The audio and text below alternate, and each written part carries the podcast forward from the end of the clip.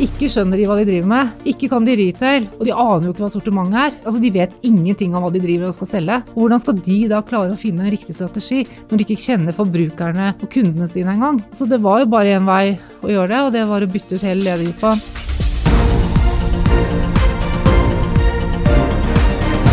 Dette er All In med Oslo Business Forum. Mitt navn er Tor Haugnes. Jeg er pedagogisk leder i All In, og bare middels opptatt av shopping, interiør og gardiner. Men mennesker som oppnår resultater, viser egenskaper som inspirerer andre, gjør meg både glad og opprømt. Denne samtalen med dagens gjest har jeg gleda meg til, og det er en gjest som har imponert meg og mange andre store selskaper i krise. De store problemene i Nille. Nille. Nille. Nille. Hvis butikkjeden står på randen av konkurs og alt ser håpløst ut, hvem ringer du da? Redningskvinnen og problemløseren i norsk eh, varehandel? Kjersti Hobøl omtales som redningskvinnen til DNB, og blir hyllet av bl.a. Bjørn Rune Gjelsten og Peter Stordalen, for å nevne noen. Og grunnen er enkel. Hobøl klarer å snu tapsprosjekter til suksess. Hun stablet Princess og Kid på bena slik at selskapene unngikk konkurs. Nå er hun ansvarlig for en ny snuoperasjon innen retail, denne gangen hos Nille. Jeg hadde aldri kjøpt Kid for nær én milliard kroner om det ikke hadde vært for Kjersti Hobøl. Nille og DNB har fått den beste lederen med hensyn til krevende turnaround-situasjon uttalte Bjørn Rune Gjelsten til Finansavisen da Kjersti Hobøl ble ansatt som Nille-sjef i mai 2018. Med andre ord, Kjersti Hobøl er superkvinnen DNB snur seg til når oppkjøpsfondene har kjørt storkunder på dunken og forlatt dem med kjempegjeld. Og dette gjør meg nysgjerrig. Hvordan klarer hun å få til dette? Steg for steg? Og hvordan går Kjersti frem for å snu skuta fra krise til suksess? Hva kan vi lære av hennes lederfilosofi og fremgangsmåte. Det gleder jeg meg til å finne ut. Velkommen til podkasten All In med Oslo Business Forum, en podkast for ledere som er lidenskapelig opptatt av ledelse, innovasjon og strategi.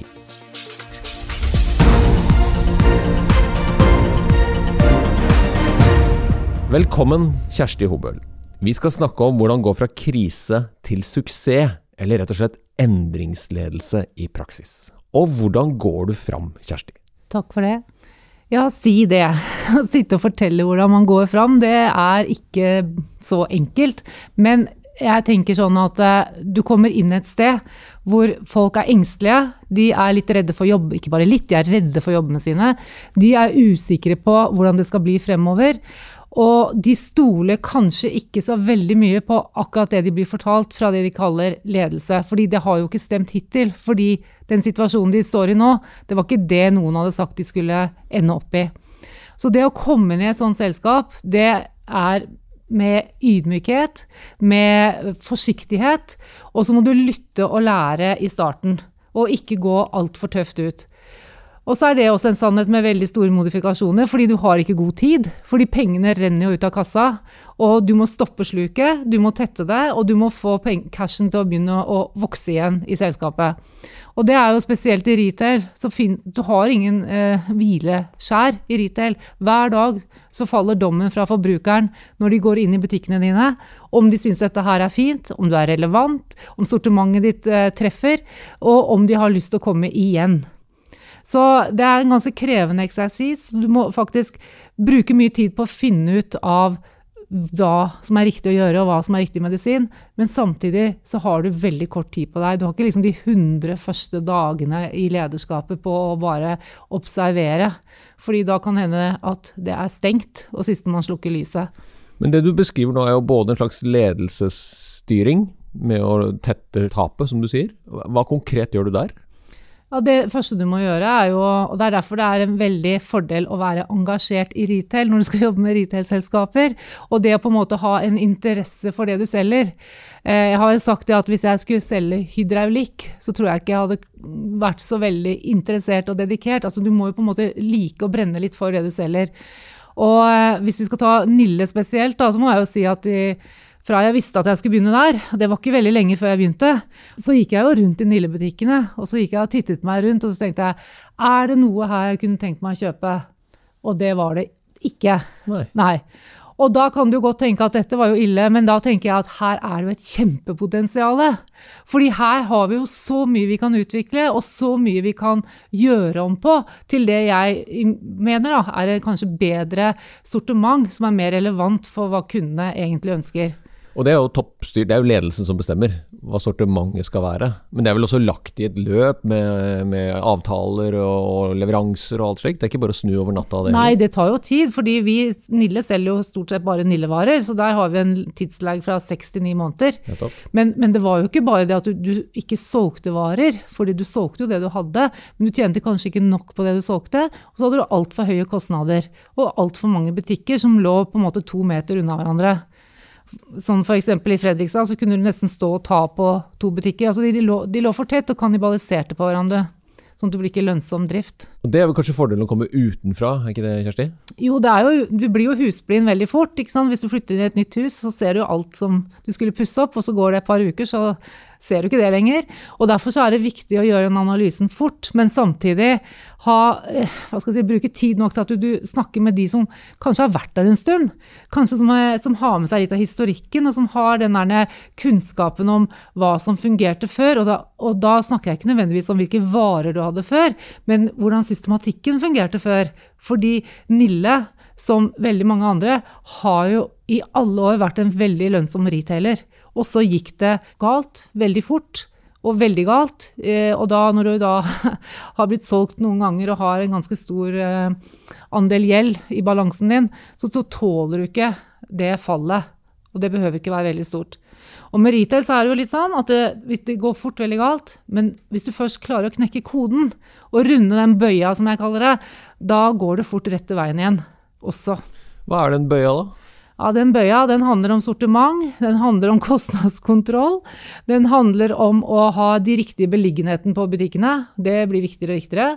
Eh, og så handler det om å få tilbake stoltheten og kulturen i selskapet. Sånn at det å jobbe i Nille det er ikke, jeg, jeg, har et godt eksempel på det. Jeg husker så godt når jeg jobbet i jeg, begynte, jeg er så gammel at jeg begynte i Bergen Bank, eh, og ble fristilt når bankene, både Bergen Bank og DNC, gikk over ende så ble jo de slått sammen til eh, DNB. Og det å si at du jobbet i bank da, fordi veldig, veldig mange mennesker tapte jo fryktelig mye penger da, det var jo et skjellsord.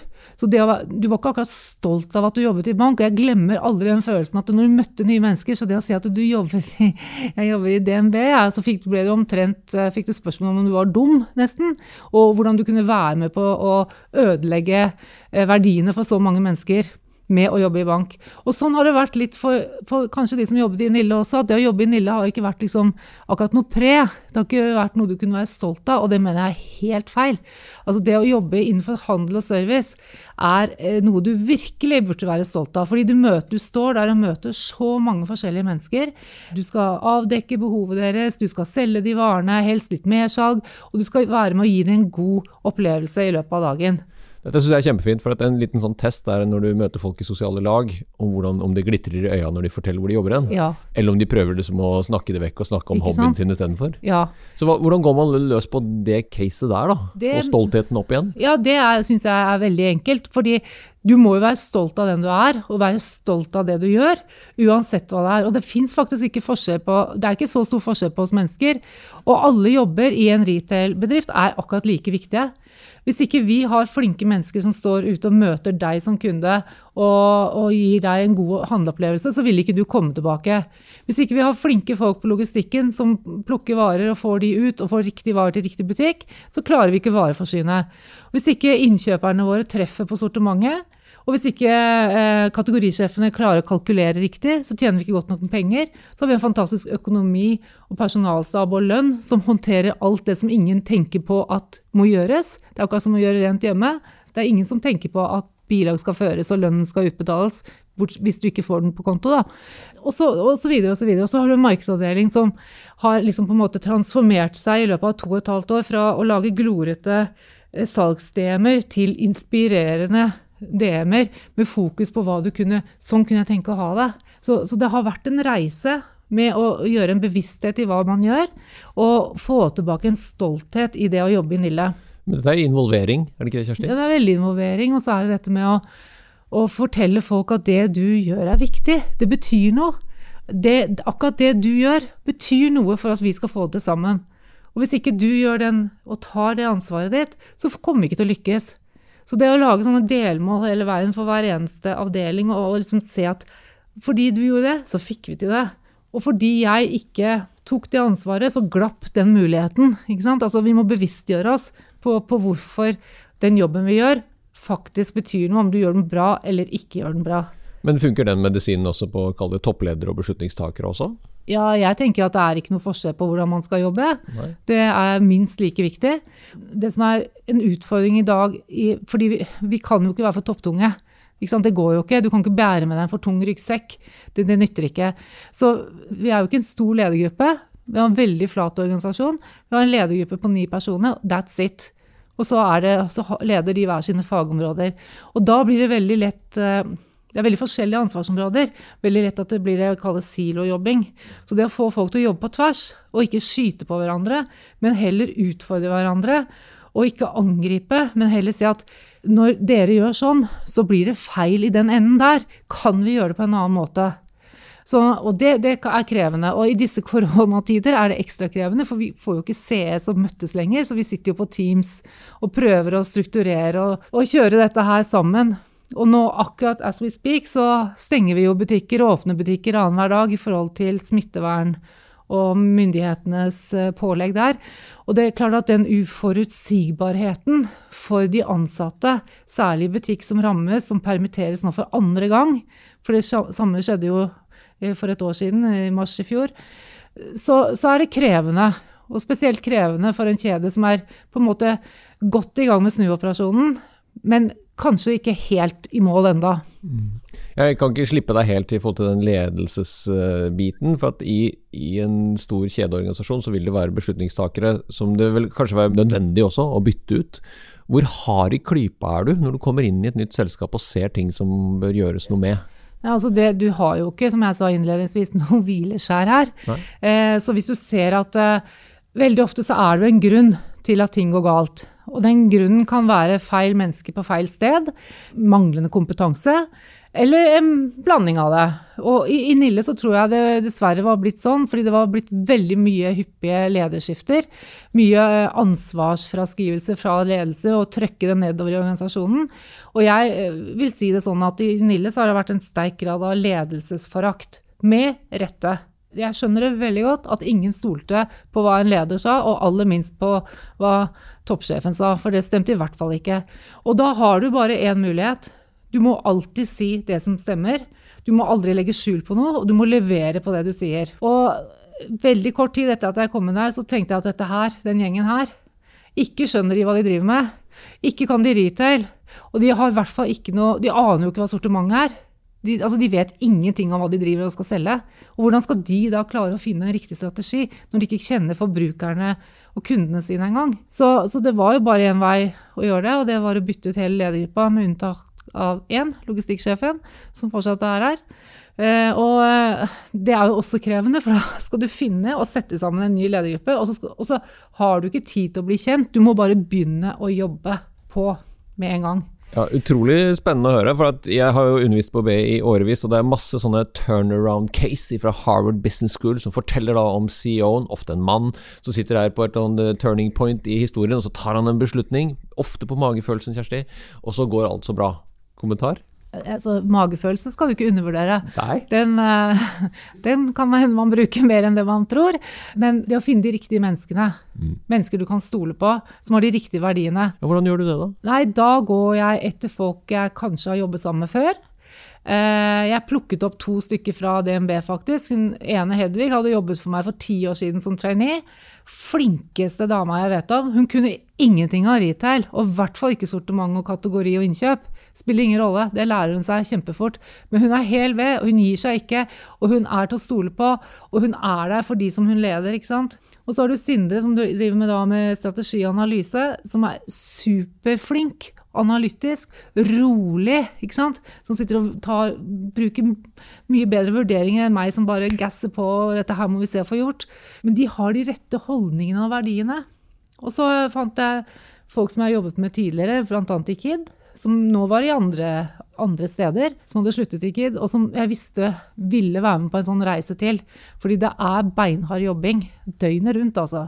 Så det er, det er på en måte ikke en jobb, det er en dedikasjon. Det er en, eh, en måte å leve på.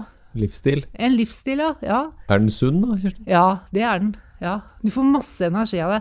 Er du klar over sånn vi drar, eh, vi, vi er, Mannen min og jeg vi er ganske glad i å dra på turer i Norge. Og da når jeg jobbet i KID, så var det alltid sånn at vi stoppet om vi kjørte forbi en KID-butikk. For da kunne jeg stikke inn og si hei, ikke sant? for det er veldig hyggelig å, å treffe de du, du, jobber med. Og det er ikke alltid du har muligheten til det. Og så når vi begynte i Nille, så skulle vi gjøre det sammen, bare at vi hadde kanskje undervurdert hvor mye, mange Nille-butikker det er. Så da var det litt sånn til slutt at det måtte vi bare slutte med, for vi kom jo ikke av gårde.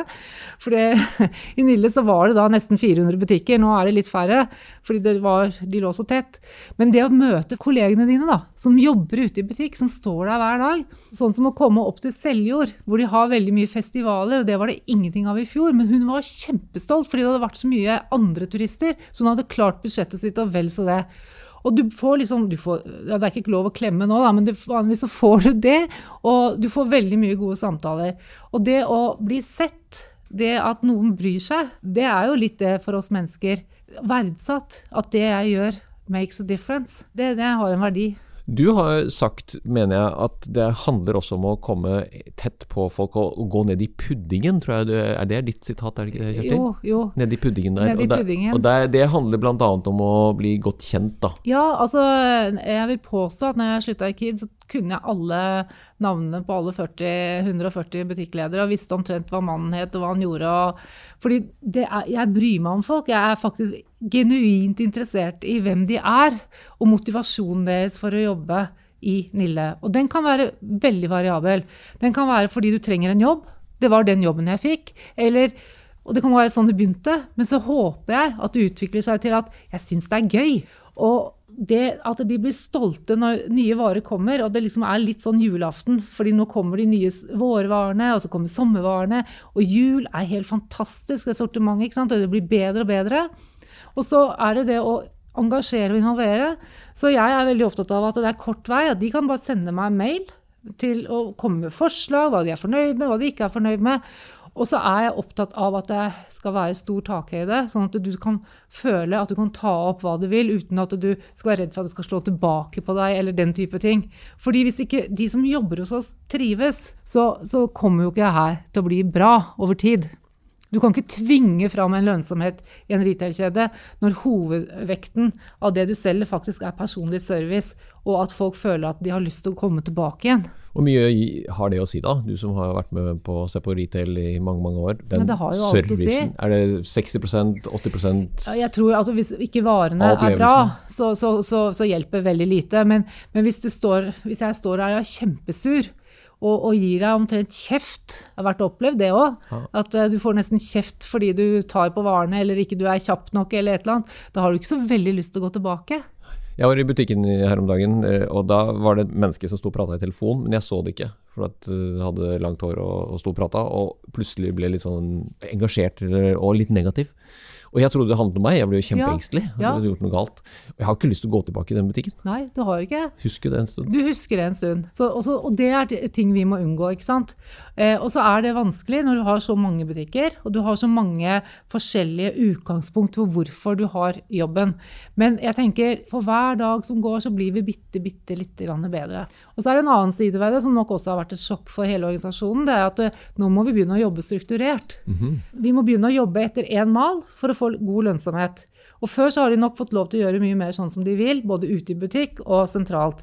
Så når du strammer inn på det, så får du alltid litt motstand. fordi det er ingen av oss egentlig som liker endring. Vi liker egentlig å gjøre Sånn gjør vi det. Sånn ja. gjør vi det, og sånn har jeg pleid å gjøre det. Ja. Men da må du forklare hvorfor det er fornuftig å gjøre det. Og så får du igjen bare én mulighet til å bevise at det du har satt i gang, funker. Eh, og det vil si at du selger mer og tjener mer penger, og det er gøy. Og hvis ikke det slår til, da er det ganske tungt. Men som regel så slår ting til. Fordi man må jo ha tenkt tanken på hvorfor man skal gjøre det annerledes. Sånn at eh, når du da får satt eksempelets makt, så er det mye lettere av det jeg kaller med å runde den bøya. Da, da har du på en måte vist at dette fungerer. Så hvis vi fortsetter å gjøre det sånn, hvis du er liksom villig til å være med på å teste det ut, så kan vi heller diskutere det etterpå hvis det virkelig ikke fungerte. Og da ser man at ting endrer seg i riktig retning. Hvor detaljert er den malen, da? Det finnes jo ikke noe mal, det er jo bare å sette i gang. Men, det er du som kalte den mal. ja, men, eh, men, det er jo sånn at du må jo Jeg er jo nede i hver eneste varelinje. Mm. På pris, på hvordan produktene skal se ut, farger, altså alt. Du må ha en dedikasjon for dette her. Og det er litt viktig, fordi når du skal gjøre om på sortimentet og gjøre om på strukturen i selskapet, så gjør du egentlig om på hele fundamentet på hvordan man har jobbet før. Så, så det er en endringsreise hvor man må være med og faktisk eh, si at sånn blir det, eh, selv om dere ikke har lyst. fordi det er det som kommer til å fungere all empiri og alt annet, hvis du ser hva andre gjør, og hva de selger, og hva kundene nå vil ha, tilsier at vi må gå den veien og ikke fortsette bare rett fram, sånn som vi har gjort hittil. Ja, for Der er du inne på noe. Det er helt klart at det, er jo endrede, det var jo endrede kundebehov før covid dukket opp. Ja, ja, ja. Og, og, og, det å følge med på det der, og være liksom fremoverlent og ikke sitte og vente på kunden, ja. hvordan gjør man det? Nei, altså Du må ha et sortiment som er relevant. Du må ja. ha noe som gjør at eh, du eller kona di har lyst til å komme tilbake igjen. Fordi, enten fordi er, vi har noe som man, forbruksartikler, sånn som lys og servietter, og du skal dekke et pent bord og du skal ha det hyggelig med venner. Nille har jo tradisjonelt sett i Norge vært eh, den som på en måte har vært det alternativet du gikk til. Og så har de mistet eller gitt fra seg den posisjonen, så den måtte vi ta tilbake. Og så måtte vi begynne å utvikle hva er det folk er opptatt av? Vi er jo ekstremt hjemmekjære. Vi er ekstremt opptatt av at vi skal ha fine ting som ikke skal koste for mye, eh, og som du kan bruke i forskjellige anledninger. Så da er det liksom å finne de rette varene, og det er jo ikke gjort i en håndvending, så det tok jo liksom over et år før vi begynte å komme et sted i sortimentet da, hvor jeg føler at vi begynner å komme på riktig vei. Men da er det jo en kombinasjon av analyse og in informasjon og litt teft, da, vil jeg tro. Ja, få de rette menneskene som kan, eh, kan bygge et sortiment ja. opp i en helhet. Så at når du kommer inn i butikken, så blir det en mer helhet i butikken enn at det ser ut som noe som bare er rasket sammen eh, fra de forskjellige fem verdenshjørner og kasta inn i butikken. Sånn at det er en metodikk som ligger i bånn der, da. Ja. Det er jo kjempespennende å høre om. Jeg lurer også på, når jeg skulle få besøk av deg, så, så så jeg at du hadde jo jobbet mange år i bank. Eh, du var vel leder for bedriftsbankavdelingen også, i Bergen Bank, var det det? Ja, ikke i Bergen Bank, men jeg har vært leder av forskjellige storkundeenheter ja, i banken. Men Så gjorde du et skifte over til, til Coop, stemmer det? Ja, ja det Var det gjorde der det startet, da, med varehandel for din del? Ja, det var det. fordi at eh, da hadde jeg fått to barn, og dette var vel i 93-94, så følte jeg at jeg egentlig ikke kom så veldig mye videre i banken. Og da var det sånn at du kan jo sitte og føle at uh, du ikke kommer noe særlig videre og ikke er så innmari fornøyd, eller så kan du ta grep og, og ta, ta, saken i egne hender. Da. Eh, og det gjorde jeg. Og da var det min gamle far som sa til meg det at hvis du først skal slutte i det med, så, så kan du ikke søke deg jobb og begynne i en annen bank. Da må du gjøre noe helt annet. Du må lære deg noe nytt. Eh, og han var jo en gammel oberst fra Luftforsvaret, så han var veldig sånn sakk, sakk, sakk. Så da tenkte jeg det var et godt råd, da, så da gjorde jeg det. Og da begynte jeg i Coop som økonomisjef der. Og da lærte jeg jo dette her med hvordan en retail-kjede på en måte var satt sammen, hvilke elementer det var, og hvor viktig det var å ha kostnadskontroll. Og en av de største aha-opplevelsene mine det var jo verdien av en time personalkost. Okay. Fordi vi hadde jo i Coop eh, megabutikker som da, den gang da hadde skikkelig ferskvaredisker hvor de lagde veldig mye mat selv og sånn. Mm. Og der var det ofte sånn med lang åpningstid at disse ferskvaresjefene de ville overlappe hverandre med en halvtime fordi de skulle overlevere ferskvaredisken til nestemann. Ja, ja. Så hvis du satte deg ned og regnet på hva den halvtimen kostet i løpet av et år, så var det ganske mye penger. Og da, det var en sånn aha-opplevelse på Ok, hvis du kaster bort fordi det, det var penger ingen så, men det var en kostnad som var der, som du ikke kunne kvantifisere egentlig på papiret.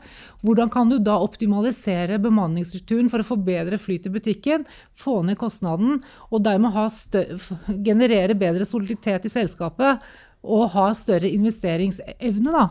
For her var det jo snakk om å rulle ut store oppser, det var snakk om å, sant, store investeringer. Så det var liksom en ah, euforisk opplevelse å oppleve at i de små kostnadene der, hvis du genererer det opp når det blir stort nok, så blir det utrolig mye penger av det. Og det har vært en sånn, der er litt sånn kjernen i retail. At de der små 50 øre her, to kroner der, strukturere og legge god nok bemanningsstruktur ute i butikk og andre steder, det er det sammen med at du får en god vekst like for like-vekst i butikkene, så kommer resultatene. Sakte, men sikkert. Jeg hører du sier dette, og jeg tror deg veldig, men jeg hører også noe annet. Jeg hører at du er en, en slags gründersjel, du er nysgjerrig, du har lyst til å løse de her problemene som du nå har, løst før, og nå en stor problem med Nille, selvfølgelig. Hvor, hvor kommer den biten inn? Jeg vet ikke, jeg tenker at eh, hvis jeg hadde vært ung og, ung og sprek i dag, da, så hadde jeg sikkert vært det man kaller en gründertype. Du hadde, ja? Ja, jeg tror kanskje det. Hva hadde du drevet med da, Kjersti? Nei, Det er ikke godt å si. Det, det, må jeg tenke litt på. Kanskje jeg skal gjøre det når jeg blir enda eldre. Men eh, det er, jo, det er, jo, spennende å få til. Det som er mest spennende, det er jo å få til det som ingen tror at du egentlig skal kunne få til. Ja. Og det er litt sånn jeg fikk jo noen telefoner når jeg sa opp i KID om jeg virkelig var helt mine fulle fem, som kunne si opp å være administrerende i et børsnotert retail-selskap for å gå til Nille, av alle ting. Og da blir jeg enda mer gira, fordi at er, ingenting er umulig, mener jeg. Og selvfølgelig så kan du si at det, det er det jo, fordi noen ganger så spiller omverdenen din et puss. Øh, hvem kunne sett for seg covid og det som har skjedd i forhold til restaurant og hotell og, men hvis du tar en normalisert eh, eh, hverdag, da, så, så, tenker jeg at eh, et selskap som Nille og man må huske en ting at DNB overtok ikke Nille fordi de trodde det var så dårlig, men fordi det historisk sett alltid har levert gode resultater. Og Da må det være en grunn til at det har gått så galt. Og da må det være mulig å kunne ta det tilbake igjen og bygge opp igjen eh, den strukturen og, og den dedikasjonen i selskapet som har vært der før.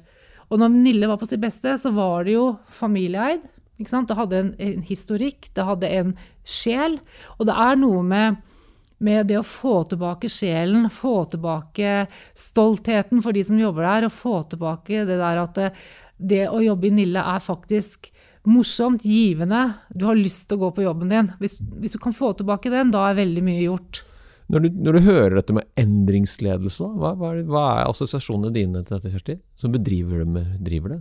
Jeg tenker egentlig ikke så mye på endringsledelse. Jeg tenker mer på at vi eh, er med på en reise. Jeg mener at vi må stå for noe. Vi må ha noen verdier, og særlig vi som skal gå foran og ta ansvaret og, og være ledergruppa i Nille. Vi må ha en substans i bunn. Et verdisett som gjennomsyrer det vi gjør.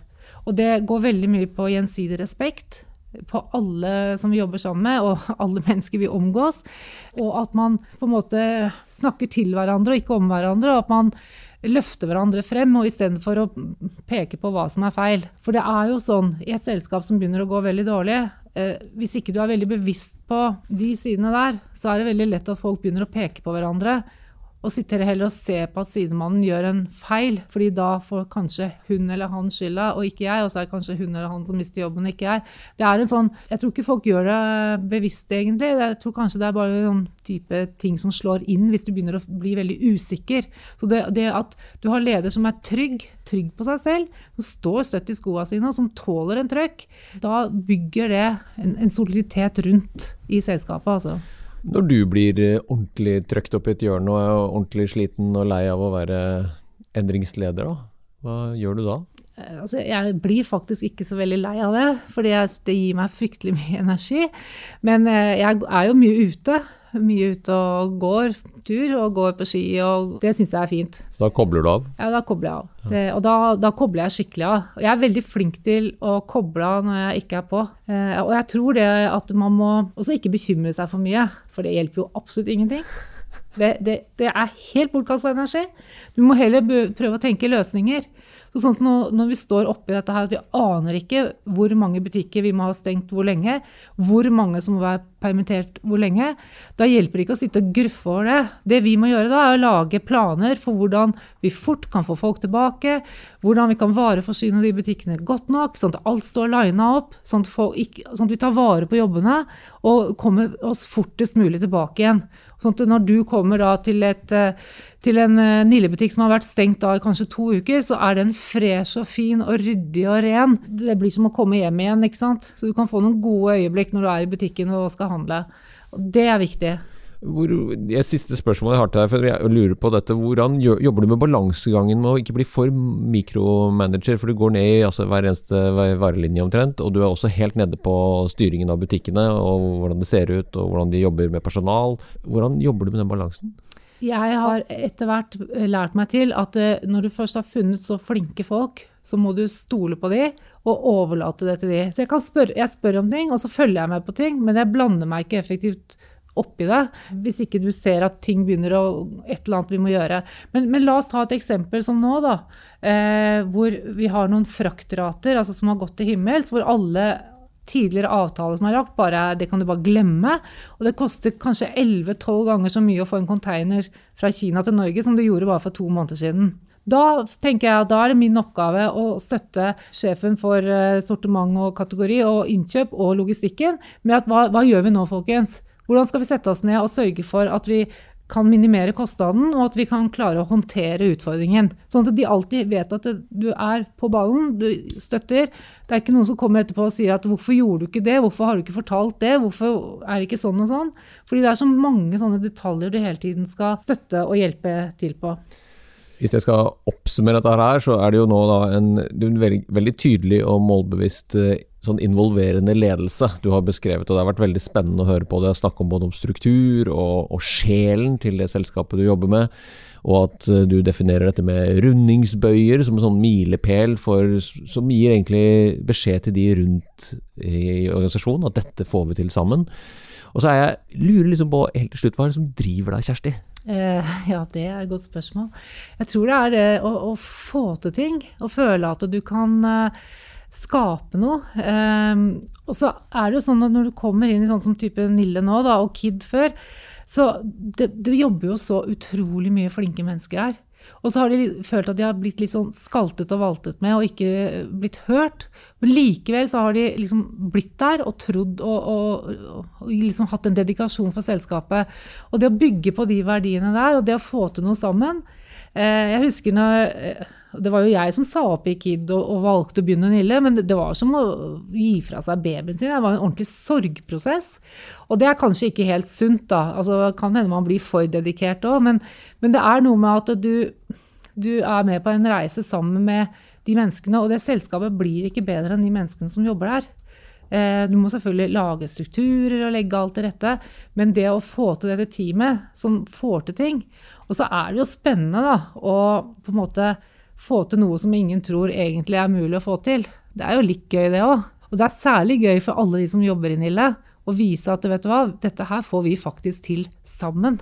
Jeg skal kjøpe mine neste servietter på en Nille-butikk eh, når den åpner, jeg lover. Og dette har vært veldig inspirerende å snakke med deg. Tusen takk for det du har delt med oss. Takk, Kjersti. Takk for meg. Hvis du likte denne podkasten, hadde vi satt utrolig stor pris på om du abonnerte og gir oss en tilbakemelding i avspilleren. Spre gjerne ordet videre til andre ledere som er lidenskapelig opptatt av ledelse, strategi og innovasjon. Mitt navn er Tor Haugnes. Sammen er vi all in med Oslo Business Forum.